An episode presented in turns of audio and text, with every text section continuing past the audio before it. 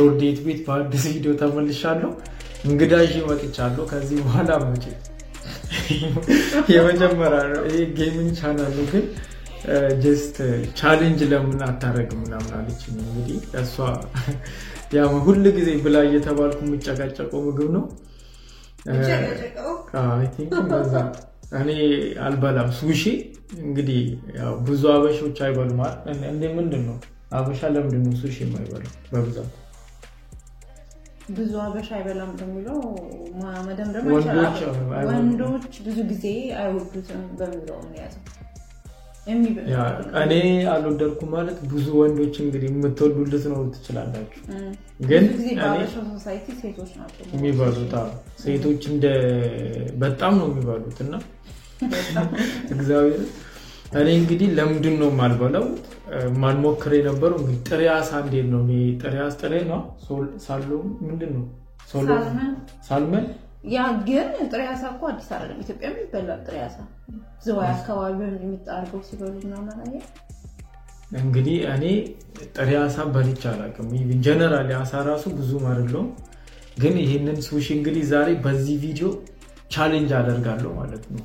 God be with me ይላል። ጥሬ አሳ ምናምን ብለን አስ- አሁን ጥሬ ክትፎ ጥሬ እንደ የሚበላው normally ያ ክትፎ እኮ ማለት ነው ጥሬ ስጋ ምናምን ክትፎ እሷ አሪፍ ይመስለኛል። ከ- ከ- ከ- ከአሳ- አላቅም እኔ እንደኔ ነው እንግዲህ። አንቺ ደግሞ ስለምትወጂ ለምንድን ነው የምትወጂ ሱሺ? ያኔ በመሰረቱ አዲስ ምግብ ለመጀመር ብዙ እንትን አለ እሞክራለሁ፣ ደፍራለሁ። አዲስ ምግብ መጀመር ጀመርኩኝ፣ አየሁት፣ ቀመስኩት አለ። የሆነ የጠላሁት እንደውም እንደጠበኩት ስጠ- መጀመሪያ በጣም የሚደብረኝ ነበር የመሰለኝ። ግን በጣም አሪፍ ነው። ወድጄዋለሁ በጣም። ብዙ ጊዜ እበላለሁ ስንወጣ እኮ ግን ሱሺ ብዙ ጊዜ ሱሺ የግልሽ ነው። ስቲክ አምጫ እንግዲህ ዛሬ ቻሌንጅ አድርጌው ነው። የሆነ ለምን እንትን አትሞክረውም? ሁሌም ቢ ስለምን እንደውም ዛሬ ማለቱ ገርሞኛል ማለት ነው። ሁልጊዜ በአዲስ ቪዲዮ እንግዲህ አይሰለችም ብሏለሁ። ፒሳ ነው የሚበላው አይነት እኔ ፒዛ ብበላ ነው በርገር ምናምን ከወጣው ደግሞ ስጋ ነክ ነገር ደረቅ ያለ ስጋ አለ steak ምናምን እንትን ነገር የለውም ውስጥ አውጥቼዋለሁ። አውጥተሽዋል። ይሄኛው ይሄ ይሄ ቢጫውን አየው። ይሄ እንግዲህ ጥሬ ስጋ ምንድን ነው? ጥሬ አሳ my God ይህንን እንደዚህ ልሞክረው ነው። ቅዳሜ ቅዳሜ እንግዲህ አንዳንድ ጥሩ ይመስለኛል። ቪዲዮ ላይ ምን ይመስላል? እስኪ ከመጀመሪያ በፊት የምትወዱ ይመስልሃል እንዴ? አይመስለኝም። የምር እንግዲህ ማለት ብዙ ጊዜ ወተናል ወተናል እኮ ለመብላት እና እ፣ ዛሬ ልሞክረው ነው እንግዲህ የምር በልቼ አላውቅም። እውነቴን ነው የምላችሁ አልወደውም። ያው እኔ ስትወዱ አላስታውስም። ዛሬ ዛሬ ለመሞከር መስማማት በራሱ ትልቅ ነገር ነው። ያ ቪዲዮ idea ጠፍቶብኝ ነው ይሁ እንዲ ግን እሞክረዋለሁ። በቃ ያው እንግዲህ ለ subscriber ኦቼ እንግዲህ መሆን ያለብኝን? Okay፣ ምን ምን እንዳለ ማሳየት ትችላለህ። ምን ምን እንደሆነ እኮ አንቺ አሳያ። ለአንተም በዛው ላሳይ። ትንሽ ከፍ አድርጓል። ይሄ ያው salmon ነው። salmon fish ያው ታውቀዋለህ። ይሄ ነው ጥሬዋ። ሁሉም ጥሬ እሺ እነዚህ ሶስቱ ማለት ነው። ይሄ ቱና ነው። ይሄም የአሳ ነው፣ ቱና ነው። ይሄ ነጭ አሳ የሚባለው አለ አይደለ? እም፣ ይሄ ምንድን ነው? እሱም የአሳ ዝርያ ነው። ግን ይህ ብላውና መጀመሪያ መጨረሻ ላይ ነው። አረ ይሄንም እንኳን አልበላውም። እንደዚህ ማትናገር ምንድን ነው? ይሄ ነው የባህር ውስጥ የባህር ውስጥ ተክል ነው ይላሉ። አሳ ነው ግን ነፍስ የአሳ- ነ- ነፍስ ነበረው ማለት ነው። ነው እነዚህ ያው ይሄም ያው ታየዋለህ ውስጧ ሳልሞን ያው ስለማሳየት አሳየው እንጂ Chinese of course ከነ ባህሉ አለ። ይህ እንግዲህ የጃፓን ምግብ ነው።? አሳ መሰረቱ ሱሺ ያው ይህ መሀሉን ውስጡ ያለውም ያው እንትን ነው። ምንድን ነው?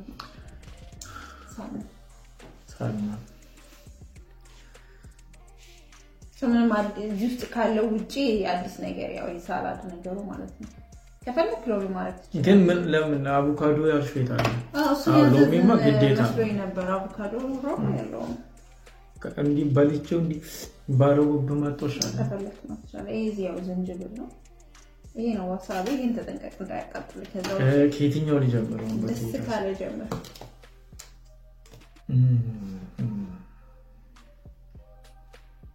ከዚህ ልጀምረው።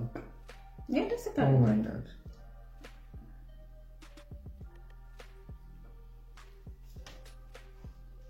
ረሳው። ማያያዙ ራሱ ከይቀመጥ እሱ ማያዙ ራሱ እንዴት ነው የሚልሽ? ፈርስት ታይም ማለት ያው እንግዲህ እንደፈለግክ ማለት ዋሳቢ ግን እዚህ ከፈልግ ቀላቅሎ ነው ትንሽ።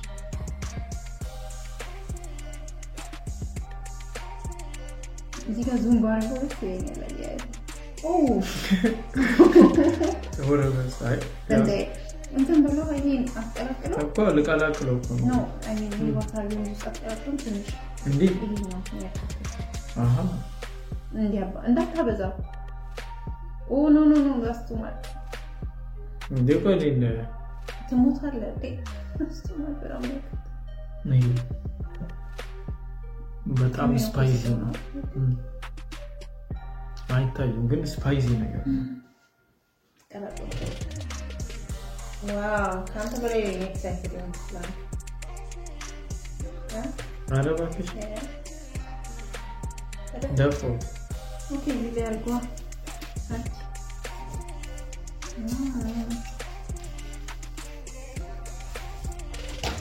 አዎ።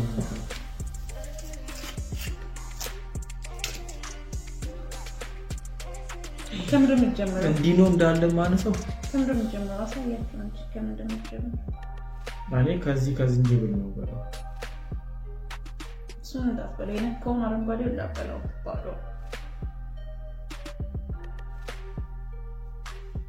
ባዶ እንዴት ነው ሰው እንደ ዝንጅብል ማለት እንደምንም ብዬ አንስቼዋለሁ።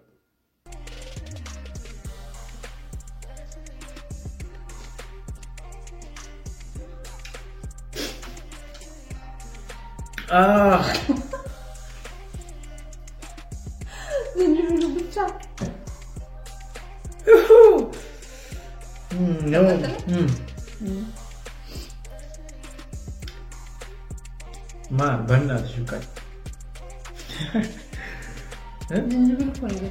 እኮ ነው የበላው ኧረ በስመ አብ።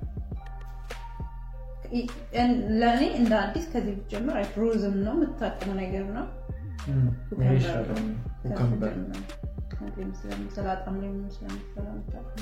ኩከምበር ንክርበር ካሜራው አይጠጋጉም ከሩቅ እኮ። ይሄ አያያዝ ምናምን ዜሮ ነኝ። የምር? ኧረ እባክሽ። ኩከምቤሪ ምንድን ነው ስሙ? ኩኩምባ። ማይ ጋድ በስመ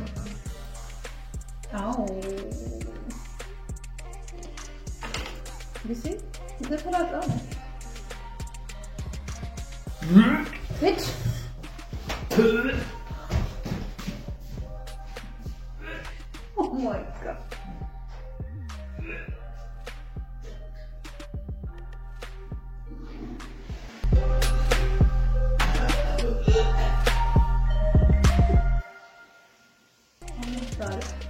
አስመልሶታል። የመጀመሪያው ለዛውም ካሊፎርኒያ ሮል ነው። ምንም ይህ ማለት ነው ሩዝ እና ሳልመን እና የሚታወቅ ነገር ነው ውስጡ ያለው። በዚህ ያስታም- ያስመለሰው ጥሬውን አሳ ቢበላ እንዲህ ብሎ ተነሳለ። እኔ ሆነ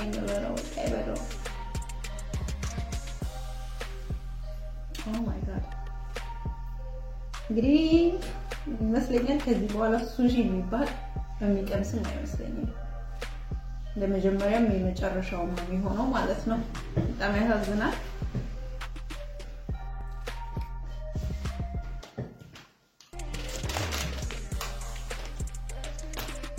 እግዚአብሔር ሺ ጊዜ ይሄ Don't try at home ይላል። የምር ያ እንግዲህ ሱሺ የምትወዱ ሰዎች መብላታችሁን ቀጥሎ፣ የማትወዱ ሰዎች ደግሞ እንግዲህ እንደኔ ከዚህ በኋላ የምሞክር አይመስለኝም። I'm sorry I don't think so የሚሞክረው ማለት ነው።?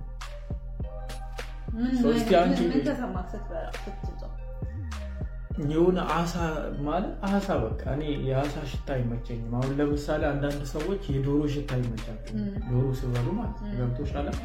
አንዳንዱ ብዙ ነገር አለ ምግብ ውስጥ የራሱ የምግብ እንትን። ይሄ ደግሞ አሳ ጥሬ አሳ ነው። ጥሬ ጥሬ አሳ ላይ ባህር ባህር ነው የምለው ባህር ባህር ነው አሳ በቃ አሳ እና ነው ነው። አንቺ አንቺ ቀጥ መብላትሽን እናቴ እንዴት እንደዚህ ትበላለች አይባልም። ግን ጀግና አንቺ የማትበይው ነገር የለም። ግን ብዙ ትሞክራለች።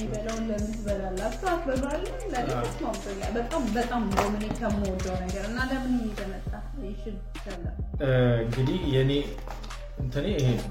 በነገራችን ላይ እዚህ ጋር ሱሺ ገቢ ሆናለች ማለት ነው። ወደ ባለቤቷ ወደ ባለቤቷ ትመለስ። እቺን ነው የሚባለው። ማክስ እንግዲህ ጀምራት አሉ መንገድ ላይ ምናምን እስከምመጣ ይሄ እንትን ነው ሱካር ድንች ሱካር ድንች ሱካር ድንች በጣም ማጋ አሪፍ ነው። አንድ አይነት ምግብ መብላት ቤት ውስጥ የታወቀ ነው። በኢኮኖሚ ምክንያት ሰው አንድ አይነት ይችላል። ውጭ ከወጣ ደግሞ መልሶ መልሶ አንድ አይነት ምግብ የሚያዘው? እኛ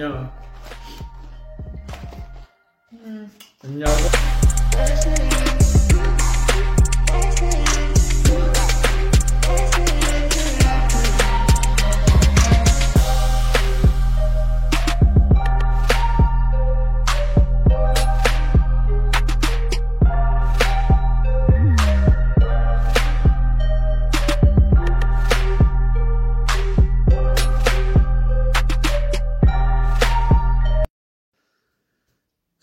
Guys እንግዲህ የምግብ ሙከራዬ የዛሬው ይሄን ይመስላል። ባልተሳካ ሁኔታ ተንጠራቋል። እኔ በበርገሬ እሷ በሱሿ ትላል እኔም ደግሞ እቺን በርገሬ አርቄ መተኛ ብቻ ከዚህ በኋላ በሌላ ቪዲዮ እንግዲህ እስከምንገናኝ ይህን ቪዲዮ አዲስ ሆናችሁ ሰዎች የምታዩ ሰዎች እንግዲህ like፣ subscribe አድርጉልን። ጀስ ዝም ብለን ሙከራን ያደረግነው ይመቻችሁ።